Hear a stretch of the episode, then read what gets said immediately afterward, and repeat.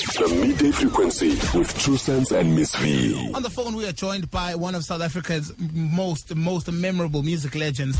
I don't even know where to begin, how to introduce such a great. Uh, but where we start is from the beginning. Welcoming to True FM namhlanje, Ubabu Sipho HotStix Mabuse. Baba, welcome to True FM.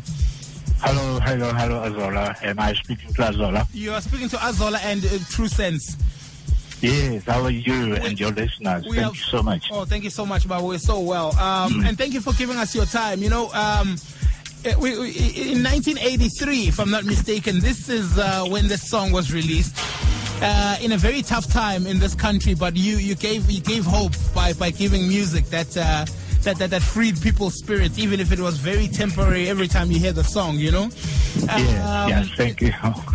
thank you so much, really. It, it, it sold over 500,000 copies and, and was one of the first major crossover hits in, in those times even. Um, we've got Ubawa Osipa HotStix Mabuse on the phone. Welcome back, Bawa. Thank you so much, True Sense. Thank you so thank much. you. Yeah, yeah. Uh, great. Um, so I was uh, b- basically sharing about the, the, the, history of, of the song while we were just trying to get you back on the line, and that uh, you know to have a crossover hit during those times was, was not was not any easy feat, and you were busy unpacking for us a little bit just about you know how difficult it is to explain what the process was at the time.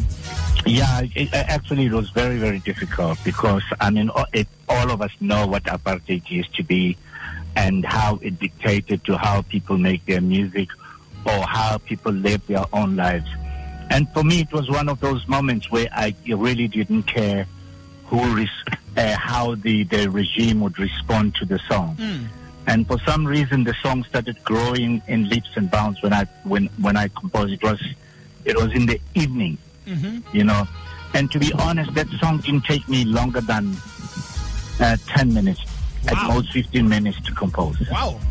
Yes, So it was, it, was, there was a moment in time, really. It was. Uh, it was a moment in time. Yes, it was a moment in time, and of course, it came at the back of some of one South Africa's wonderful songs like Weekend Special. You know. Oh yes. I mean, where was Weekend Special? You know, most of the musicians there were in a very highly, highly competitive ar- a- area, and uh, yeah, we.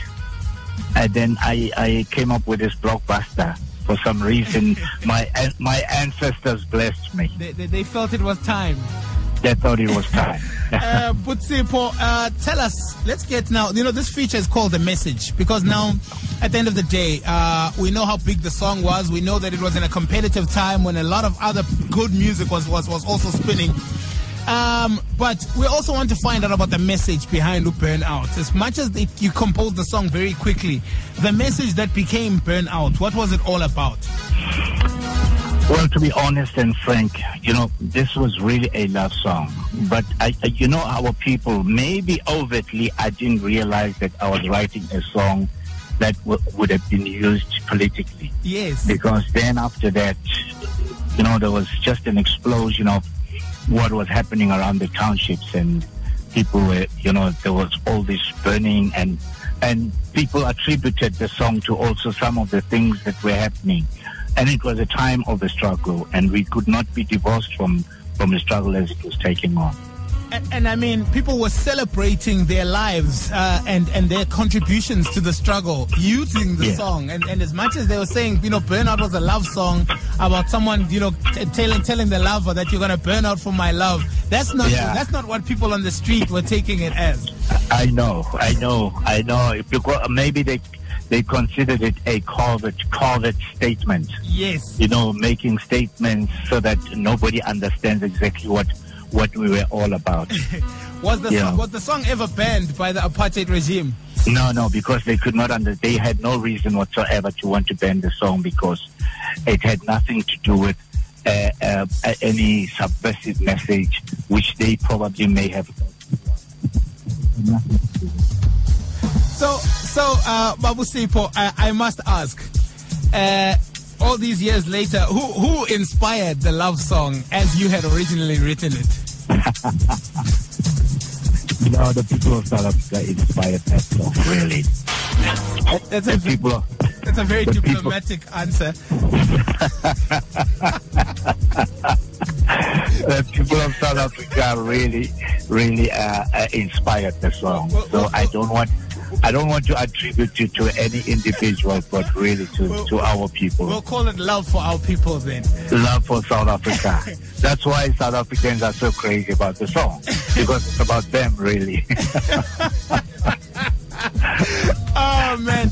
Now that uh, many years later, you can reflect and look at one of your greatest hits uh, as Burnout. I mean, uh, amongst a, a, a, a, a huge body of work that you have.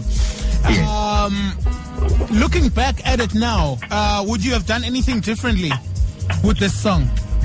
Uh, I, I'm, I'm not sure. I, I, I really don't think I would have. I would have still done the same thing, except that you know, I think the song was just magical. It came at a time when one li- uh, one least expected to write a song of that nature, and for me, it, it was that song that said, "I am here. Take me and write me." It was almost like a woman who says, "Here I am. I'm in love with you. You can do whatever you want with me."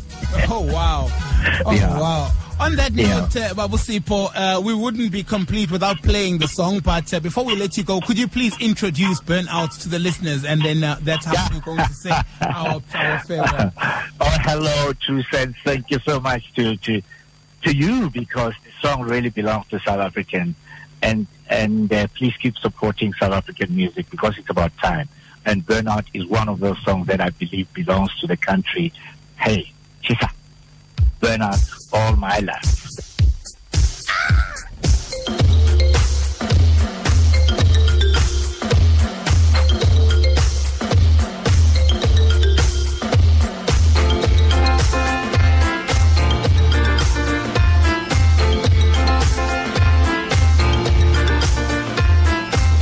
Midday frequency, 12.30 to 3 p.m. Weekdays on True FM like no one else.